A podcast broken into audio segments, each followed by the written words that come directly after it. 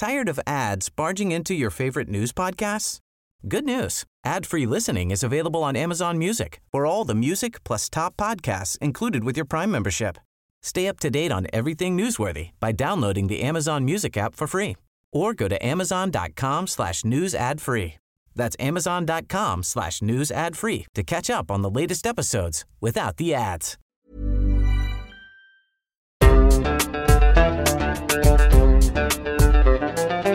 بودكاست صوت.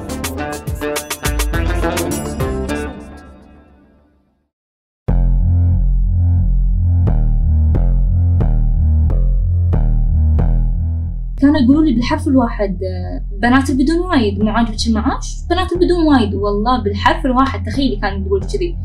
فما في تقدير أنا كنت مخيرة بين إني أشتغل دوام محترم بمعاش فاسغ لكن ما كنت أبي أكون عاطلة عن العمل. كانت العطالة عندي رعب فما كنت أبي أكون عاطلة. مباشرة بعد تحرير الكويت وجدت والدي خارج العمل يعني بدون وظيفة. كان والدي يعمل في وزارة الداخلية. ومن ثم تم طرده مع آلاف الموظفين في الحكومة. الكويتيين والكويتيات البدون هم الأشخاص غير محددي الجنسية أو عديمي الجنسية أو حسب التسمية الرسمية لحكومة الكويت مقيمين ومقيمات بصورة غير قانونية.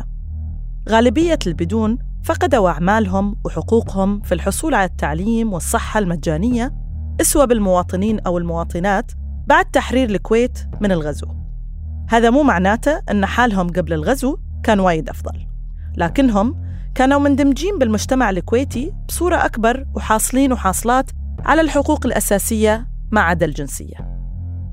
تعرضت فئة البدون للعزل السياسي والاجتماعي والاقتصادي بغرض التخلص منهم وفق روايات مبنية على وثيقة سرية صدرت قبل الغزو تبين خطة الحكومة عشان ما تحل مشكلة البدون بل تزيدها.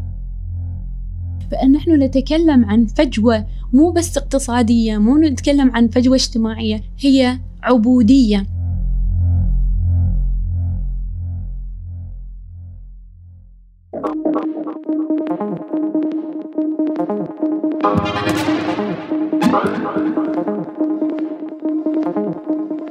مرحبا بكم بكمنا في حلقة جديدة من بودكاست ما العمل. معكمنا نزيهة سعيد. هذا الموسم يركز على موضوع العبودية الحديثة وعلاقتنا فيها على مستوى العمل وكيف إنها تمثل استغلال رأسمالي للموارد البشرية عن طريق قوانين محلية تسلب الأشخاص حقوقهم في أنحاء مختلفة من العالم. ولا يستثنى من هذا بعض الدول الغنية والنفطية مثل الكويت. نناقش في هالحلقة واقع عمل البدون في الكويت وكل ما يحيط فيه من تحديات ومصاعب وشروط ونتائج أدت مو بس لإقصاء اقتصادي بل لإقصاء اجتماعي أيضاً. حراك البدون يتنوع بين المطالبات، المظاهرات، الإضراب عن الطعام، رفع العرائض وغيرها من التحركات.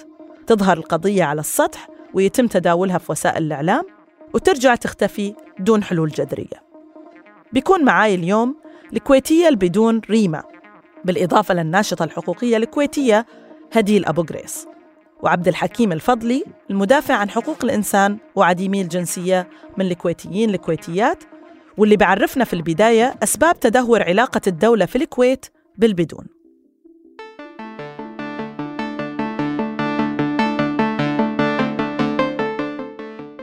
الحكومة والسلطة ترى البدون يعني آه، تركة ثقيلة عليهم من الستينيات من بعد آه، استقلال الكويت فشافوا إنه خلاص هذه الفرصة مواتية أن نخلص من هذا المكون.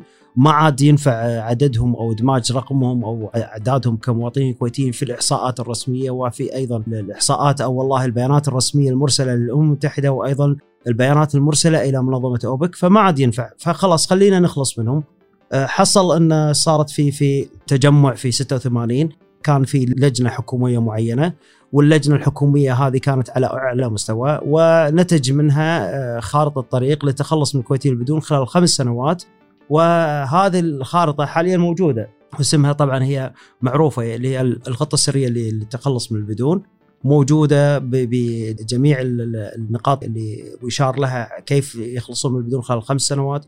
ونشرتها صحيفة طليعة في ما بعد تحرير الكويت. فالعملية ابتدت من قبل الغزو.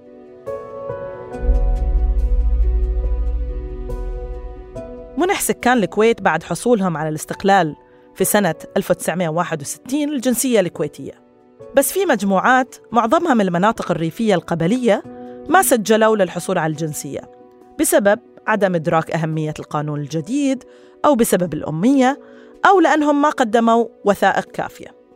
في البداية لم يعامل السكان البدون بشكل مختلف تماماً عن المواطنين وكان بإمكانهم الحصول على التعليم والخدمات الطبية والعمل. لكنهم حرموا من الحق في التصويت. في سنة 1986 تحول التعامل معهم لما السلطات بدأت تسميهم مقيمين مقيمات غير شرعيين. الثانية تماما بعد الظهر بتوقيت جرينتش في هذه النشرة القوات العراقية قبل غزو الكويت في سنة 1990 كان عدد البدون بين 220 ألف و 350 ألف. لكن هذا العدد تقلص في وقت لاحق.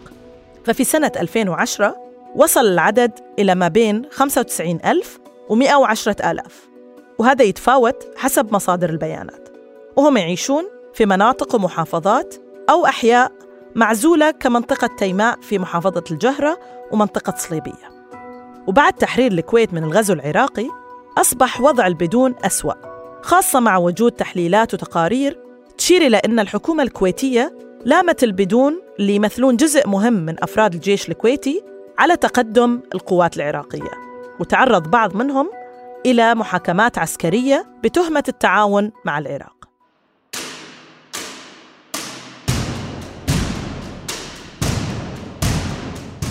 ما بعد تحرير الكويت وما بعد الغزو تم إعادة تفعيل خطة التخلص من الكويتيين البدون بحجج جديدة وبمشاكل جديدة وأيضا تم استهداف البدون بشكل مباشر ومحاولة التخلص منهم يعني عبر الوسائل القانونية وأيضا عبر الوسائل الغير قانونية.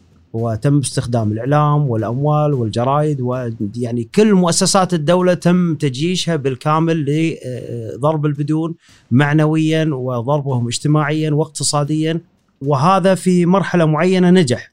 البدون آه، كان في يوم من الأيام يعملون في في وزارة النفط وفي وزارة الداخلية وفي في شركة نفط الكويت وفي جميع قطاعات الدولة الرسمية. وجد البدون نفسهم بعد التحرير. فجأة جميع الموظفين في في القطاعات العامة تم طردهم بشكل تعسفي بدون أي سبب وجميع أطفالهم وأبنائهم آه، تم طردهم من المدارس ومن الجامعات. وطبعا الجامعة كانت جامعة واحدة جامعة الكويت. وجميعهم تم سحب البيوت الشعبية اللي كانت معطينهم إياه بصفة مؤقتة إلى حين تسوية أمورهم وتجنيسهم.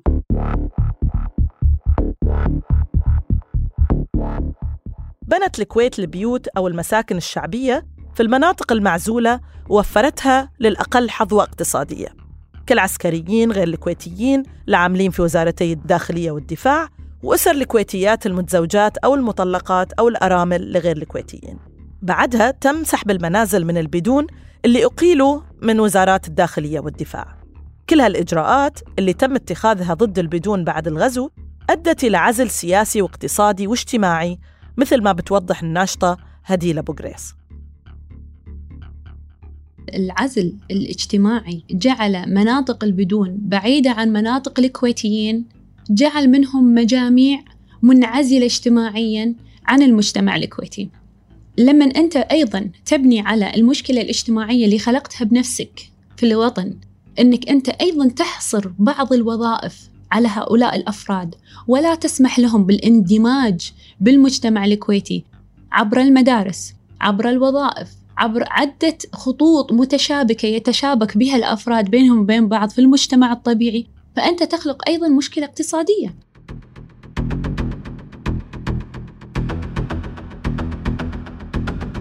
البدون اليوم يبحثون عن أي وظيفة برواتب متدنية ودون حقوق لأن ما عندهم حل آخر. قصص كثيرة في أماكن العمل تنتهي بفصل تعسفي أو تطفيش لأن في غيرهم من البدون اللي بيقبلون بهذا العمل مثل ريما. للأسف ما حصلت لي فرصة إني أكمل دراستي الجامعية عندي الثانوية بس.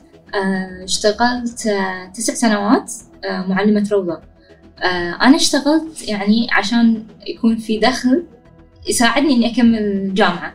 لكن بعد تسع سنوات انتبهت إن أنا ما قدرت يعني أوفر الرسوم الجامعية حقي. يعني حتى لو أبسط جامعة ما قدرت أدخلها. فبعد تسع سنوات في روضة خاصة كنت يعني لأن التعامل مع الأطفال فأنت مجبرة تعطين من قلب وتحبين المكان. فكنت أبذل جهد مضاعف لأني أنا حابة المكان حابة الأطفال حابة الزميلات. فتخيلي يعني طول هالتسع سنوات معاشي ما ما تعدى ال 150 دينار. اللي هو 483 دولار. هذا هو معاشي طول تسع سنوات. فكل ما أقول لهم إنه أنا محتاجة زيادة أنا من حقي أطالب زيادة أنا عارفة جهودي وشنو قاعدة أقدم. فتخيل إن في عيد الوطني أنا وزميلاتي نجتهد ونقدم حفلة حفلة للعيد الوطني. ويتم عملها على أصولة بكل حب بكل هذه. مثلا نسوي الحفلة يوم الثلاثاء خميس أربعاء وخميس تكون عطلة. تخيلي عطلة هاليومين يتم خصمهم علينا. عطلة عيد وطني. ليش ينخصم علينا؟ فكنت متمسكة بالوظيفة لانعدام الفرص. يعني أنا بشكل عام البدون فرصة محدودة وأنا يعني أتنازل عن وظيفة بتكون يعني فرصي معدومة أكثر.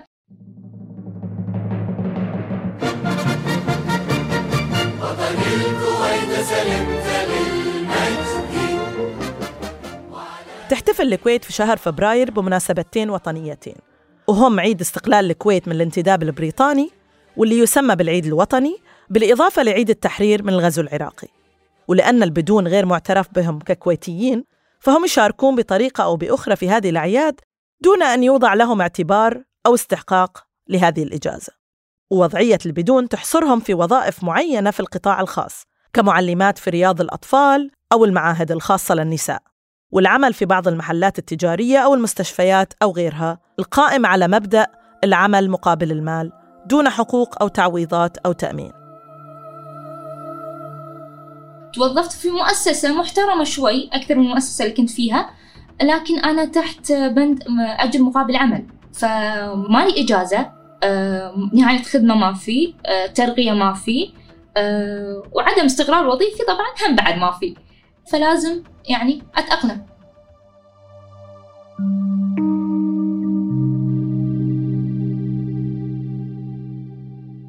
الأمر فيه استغلال بشع كبير من أصحاب الأعمال الخاصة وخصوصا أصحاب الحضانات يستغلون بناتنا بهالطريقة هذه لأن الخيار الآخر للبنت إما أنها تقعد في البيت أو تأخذ راتب بسيط يعني. يعني أنا أذكر في يوم من الأيام يعني حتى أحد أفراد أسرتي كان راحت أساس تشتغل في هذه إحدى الحضانات ولا يقولوا لها الراتب إنه 80 دينار. هذا شيء يعني شيء مخجل شيء مقرف وشيء يعني صراحة في قلة أدب ووقاحة في في استغلال وفي نظرة دونية للمجتمع البدوني يعني خصوصا شباب بناتنا هذا بالنسبة للبنات. وبالنسبة للشباب دائما الشباب اللي ياخذون الأمر على عاتقهم ويشتغلون بحر مالهم يعني يروح يحصل بعض الأموال ويشتري يعني بعض الخضار وكذا ويقعد فيها على الشارع.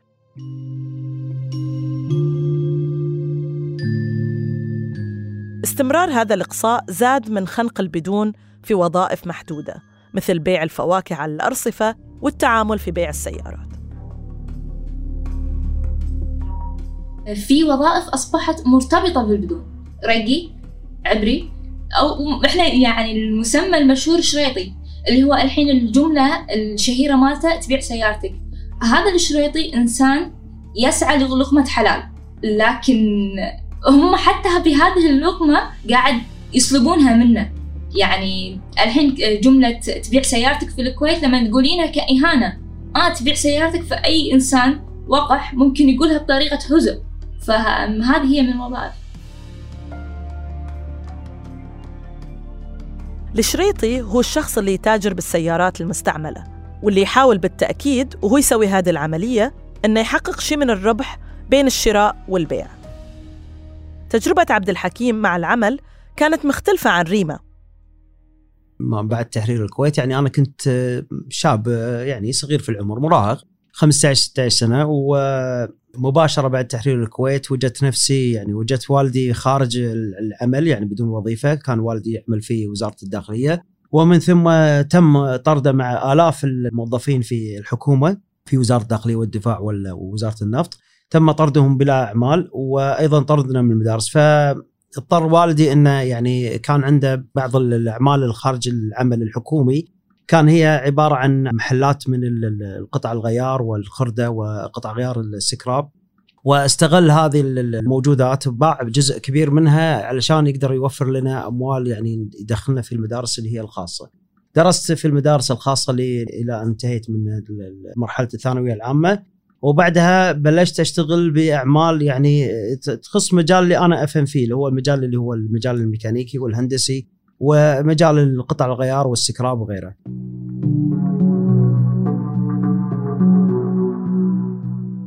طبعا للأسف أن إحنا دائما نلمح على أن فرص العمل جدا شحيحة في القطاع العام اللي هو القطاع الوزاري أو حتى القطاع الخاص اللي هو تبع الشركات وغيرها لأن الطلبات اللي تطلبها هذه الجهات غير متوفرة بيد البدون وأهم طلب من هذه الطلبات هو البطاقة الأمنية الصالحة خلال سنوات عديدة يعني إحنا نتكلم على شكل يعني حصري على الأقل بأن من 2011 تقريبا بلش الجهاز المركزي يتبع خطوات في أن يمنع أي تجديد للهوية الأمنية للبدون إلا يعني أن يخوضوا بعدد من الخطوات التعجيزية منها التوقيع على تعهد منها الإثبات أنك أنت موجود في الكويت ولازم تروح عبر المنافذ. تظاهر عصر اليوم المئات من فئة غير محددي الجنسية البدون وسط حضور أمني كثيف في منطقة ديمان. في الكويت في جهاز مختص بالتعامل مع وضع البدون. هو الجهاز المركزي لمعالجة أوضاع المقيمين بصورة غير قانونية. ونلاحظ هني عبارة معالجة أوضاع المقيمين بصورة غير قانونية. هي عبارة متعارف عليها لوصف البدون في الكويت بشكل غير مباشر. علشان دمج أو طمس قضيتهم بقضايا بقية الوافدين والعمالة المهاجرة وعدم خلق خصوصية لقضية البدون. الجهاز ذكر في أحد تقاريره بأن أكثر من 18 ألف شخص عدلوا أوضاعهم من سنة 2011 حتى نهاية سبتمبر 2022 منهم أكثر من 9000 أنهوا إجراءات تعديل أوضاعهم بجميع أجهزة الدولة وحصلوا على إقامات قانونية. فيما تم الاستدلال على جنسيات أكثر من 9000 آخرين وجاري متابعة إجراءات تعديل أوضاعهم هذه التصريحات الرسمية ما توضح بطريقة مباشرة إذا ما كان الأشخاص اللي تشملهم الأرقام هم من البدون أو لا ومن لا تنطبق عليهم شروط الجهاز المركزي. تكون خياراتهم في العمل في القطاع الحكومي شبه معدومة. البدون ما يقدر يعمل في القطاع الحكومي إذا نبي نجاوب بشكل مختصر فأنا أقول لا. أما إذا نبي نجاوب بشكل يعني يلامس الواقع الحالي الحين ففي بعض الكويتيين البدون يعملون في القطاع الحكومي لحاجه الحكومة لهم. يعني مثال ناخذ أقرب الأمثلة هو وزارة الصحة. وزارة الصحة الموظف اللي يستقبلك ويكتب لك الورقة الاستقبال وصولا إلى إلى بعض الدكاترة البدون بعضهم جراحين يعملون في الوزارة لكن يعملون شلون يعملون؟ يعملون بدرجة أقل بمرتبة أقل بشروط قاسية وشروط غير آدمية وبشروط غير مهنية وبشروط أيضا ما هي قانونية. فلا يعني أنا حتى مجموعة البدون اللي اللي موجودين يعملون حاليا في الحكومة أنا ما أعتبرهم يعملون في الحكومة. هم هم يتم يعني يتم استهلاكهم وابتزازهم وتم وتم الاستفاده منهم. يعني أنا الحين المفترض أن الشخص اللي يعمل في مكان معين حكومي أو خاص المفروض هو الشخص يعمل ويستفيد من هذا المكان.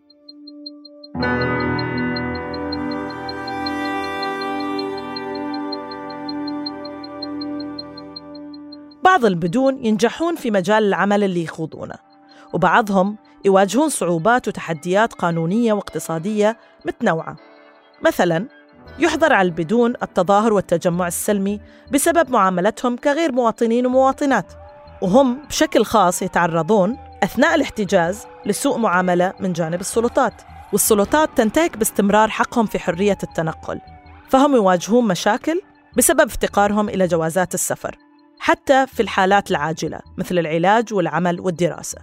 ويواجه الكثير منهم مشكلة وقف حساباتهم المصرفية لأن ما يكون عندهم بطاقة هوية سارية المفعول. بدون نفسهم كمكون بشري مستهدف ومستضعف ودائما النظرة للمجتمع البدوني انهم إنهم ناس يعني ما لهم سند، ما لهم حماية قانونية، ما عندنا شبكة أمان قانونية محترمة. حقيقية تحمينا وتحمي حقوقنا وتحمي أعمالنا يعني حتى مسألة يعني بلشت أشتغل في مجموعة من الشركات.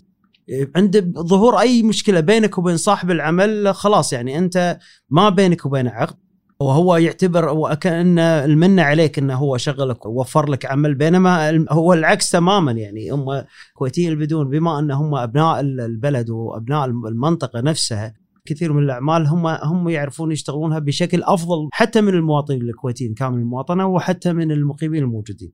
لكن مسألة العدالة وأيضا الحماية مش موجودة. في سنين طويلة كانت وزارة الشؤون والعمل رافعة إيدها تماما عن أي شيء يخص العدالة في مسألة العقود العمل الخاصه في البدون، ما زال هذا الأمر إلى اليوم. والله تعبت يا عالم ماني عارف أنا كويتي ولا بدون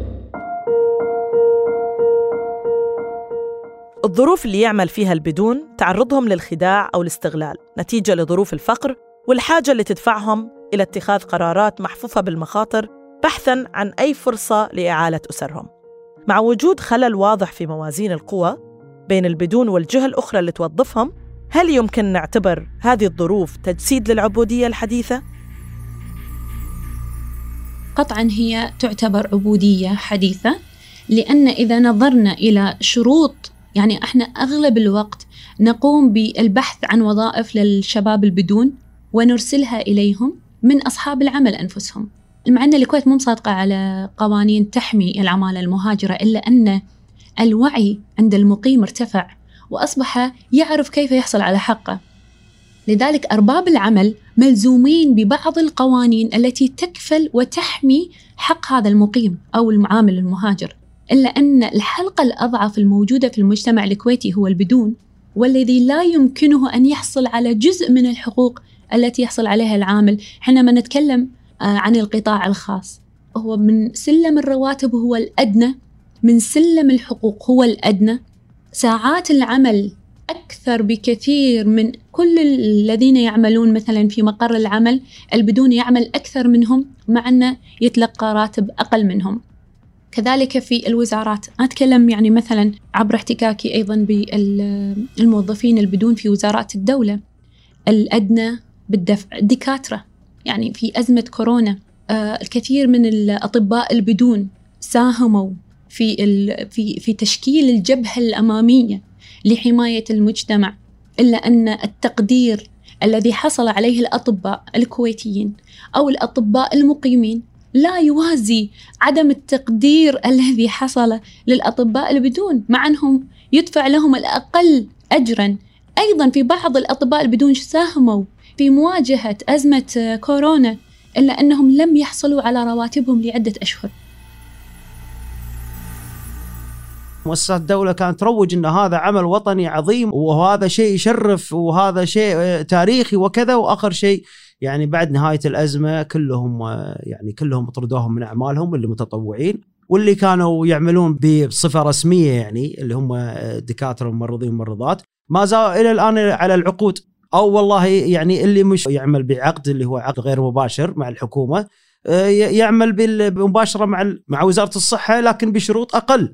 من المواطن ومن المقيم. يعني على أي أساس؟ حتى بدون لو يفكر إنه يساعد نفسه بأبسط يعني بذكرش مثال. مثلا آه يعني شباب الرصيف أو اللي يبيعون على الرصيف رقي مثلا.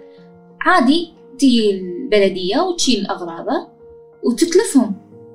هو يعني قاعد يعاون نفسه فحتى رزقتهم بالرقي هم محاربين فيها. وحتى في مثال ثاني إحنا نسميهم العبرية. في مثلا رجال يستخدمون السيارة أو الوانيت فينقل عبري من منطقة لمنطقة فيأخذ عليهم رسوم. يعني نفس تاكسي جوال يعني بما معناه بس يعني المرور يشوفونه محمل ركاب وارد جدا يسحبون السيارة وارد جدا يعني مخالفته. فحتى هم يعني لحسابهم الشخصي محاربين في وظيفتهم ورزقهم.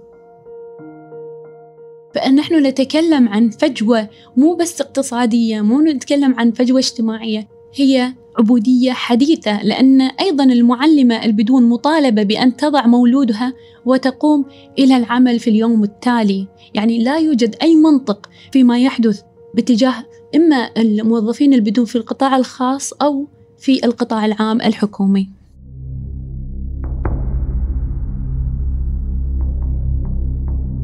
وكعادة كل الفئات المهمشة التهميش على النساء وطأته أشد والتحديات اللي تواجه نساء البدون أكبر. فبالإضافة إلى عدم حصول الفتاة عند ولادتها على شهادة ميلاد فهي تواجه تحديات في عملية تعليمها بسبب البطاقة الأمنية واللي غالباً لا تملكها أو تكون غير قابلة للتجديد. وكثيرات منهن يواجهن التمييز بسبب كونهم فتيات فيجبرن على البقاء في المنزل. مجتمع البدون هو مجتمع عشائري. وأنا ما ألومه إذا وضع قيود. أنا ما قاعدة أبرر القيود. لكن هذه عقليته. أنا ما أقدر أقول له تعال غير عقليتك بيوم وليلة. إحنا لما نتكلم عن هذا المجتمع لما تطور وإحنا لازم نحط بعين الاعتبار العزلة الاجتماعية التي صنعت لهم العزلة الاقتصادية التي صنعت لهم العزلة السياسية التي صنعت لهم. فهو ظل مغلق على روحه. سيدات ظروف وظائفهم أسوأ. أنا ما أنكر جهد اللي قاعد يبذل من الشباب لكن البنات تكون محكورة في دائرة أضيق من دائرة الشباب. يعني أغلب البدون هم من قبائل وعشائر فالأغلب يرفض العمل المختلط آه، أوقات عمل متأخرة يعني فدائرة البنات وايد أضيق. ويتم استغلالهم بشكل أكبر. يعني إذا أتكلم عن التجارب اللي قريبة مني وأعرفها يعني استغلال للمعلمات البدون بشكل كبير كبير كبير. يعني عادي يستغل الصبح وعصر معاش ما يتعدى ال 300 فأنا أشوف استغلال كبير كبير للمرأة البدون. البنات البدون أو الشابات البدون اللي قدروا يحصلون على شهادات وقدروا يتخرجون من الجامعات طبعا يعني بعد ألف ويل وويل مستحيل. يعني أنت قليل جدا اللي تلقين شابة بدون تقول أنا لقيت وظيفة أحلامي أو أنا لقيت الوظيفة اللي أنا كنت فعلا أبحث عنها واللي أحسها إنها تكفي لكرامتي الإنسانية. الرواتب المتدنية خاصة للمرأة البدون يعني لو تقارن المرأة الكويتية بالمرأة الوافدة بالمرأة البدون أيضا هي تحصل على حد الأدنى. والأدهى والأمر بأن بعض الأشخاص من يستخدمون أو يستخدمون خدمات هؤلاء النساء يعني بعد فترة من الزمن ما يدفعوا لهم رواتبهم. يعني يخلونهم يكتفون بالعمل لمدة مثلا ست شهور.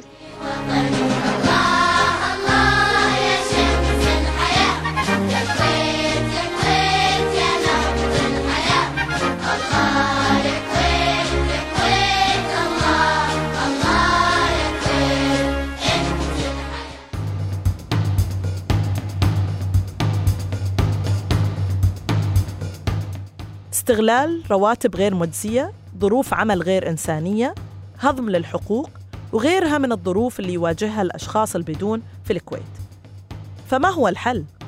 في ظل عدم حلحلة أو تحريك الدولة لهذا الملف مع الإصرار على تعقيده وعدم الاعتراف بالبدون ككويتيين وطرح بدائل أو مسكنات مؤقتة مثل الإقامة لمدة طويلة لمن تسري عليه الشروط دون حلول جذرية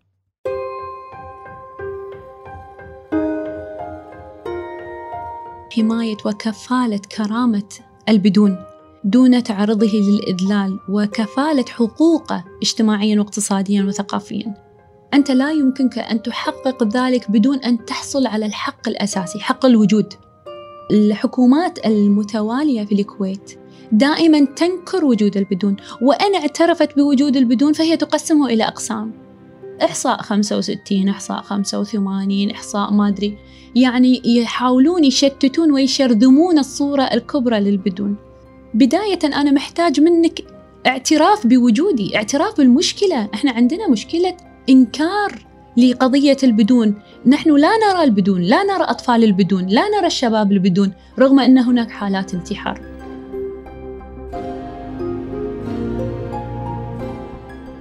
اليوم الكويتيين البدون ما عاد فيهم يعني يقبلون مسألة تسوية الأمور عبر العمل فقط أو عبر تجديد البطاقة فقط أو عبر منح الحقوق المدنية اللي هي يتكلمون كثير. أنا قاعد أضحك عليهم يعني الفترة اللي طافت والله شيء مخجل يعني. تخيل أن بعد 70 سنة من الظلم يتكلمون اليوم عن مسألة الحقوق المدنية اللي هي لصيقة بالإنسان. وقت ولادته أول ما ينولد هو هذه هذه حقوق فطرية. حل القضية برمتها. أدري إنها شيء صعب.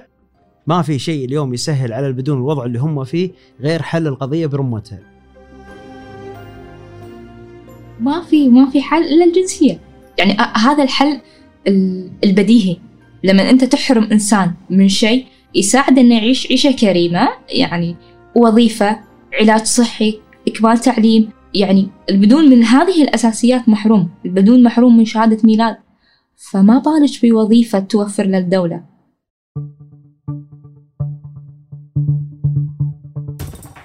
المفوضية السامية للأمم المتحدة لشؤون اللاجئين تنادي بتمكين البدون وتوفير حقوقهم الأساسية مثل التعليم والرعاية الصحية والعمل وحرية التنقل وتوفير الضمانات اللازمة لمنع ممارسة انعدام الجنسية.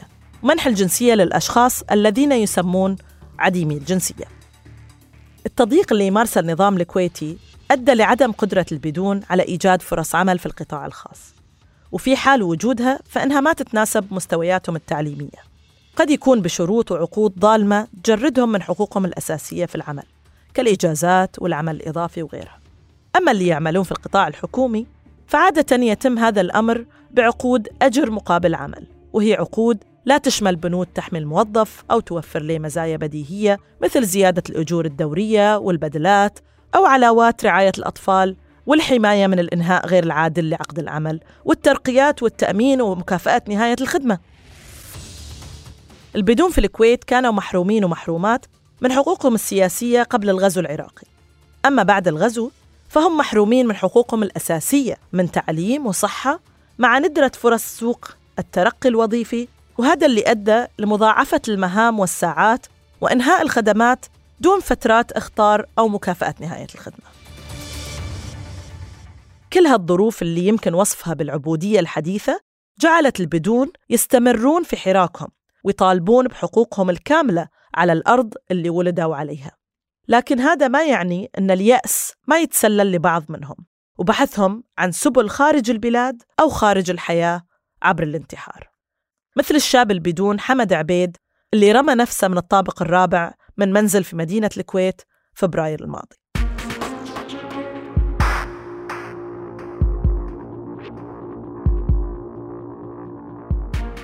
أنا أدعو لكل بدون تسمح له الفرصة وأنا أدري هذه الفرص شحيحة وشبه مستحيلة للبدون. يعني منو بيكون بدون وجوازه مجدد وعنده التكاليف المادية عشان يهاجر.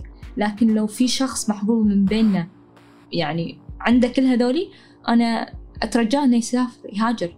يعني أنا عندي أصدقاء مهاجرين وصديقات أنا تبارك الرحمن. هم قاعد يقولون لي إحنا الحين نحس بالحياة. الحين أحس إنه بشر. يعني أنا ظروفي ما تساعد إني أهاجر لكن أول فرصة تصير لي إني أهاجر مستحيل أتردد.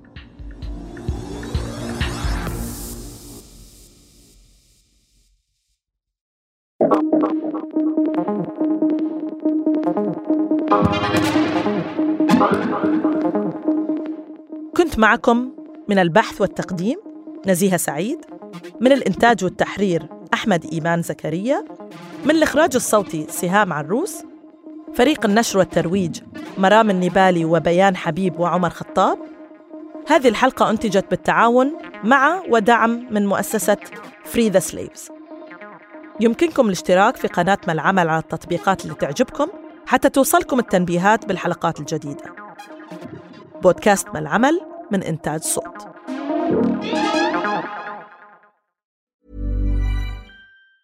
Tired of ads barging into your favorite news podcasts?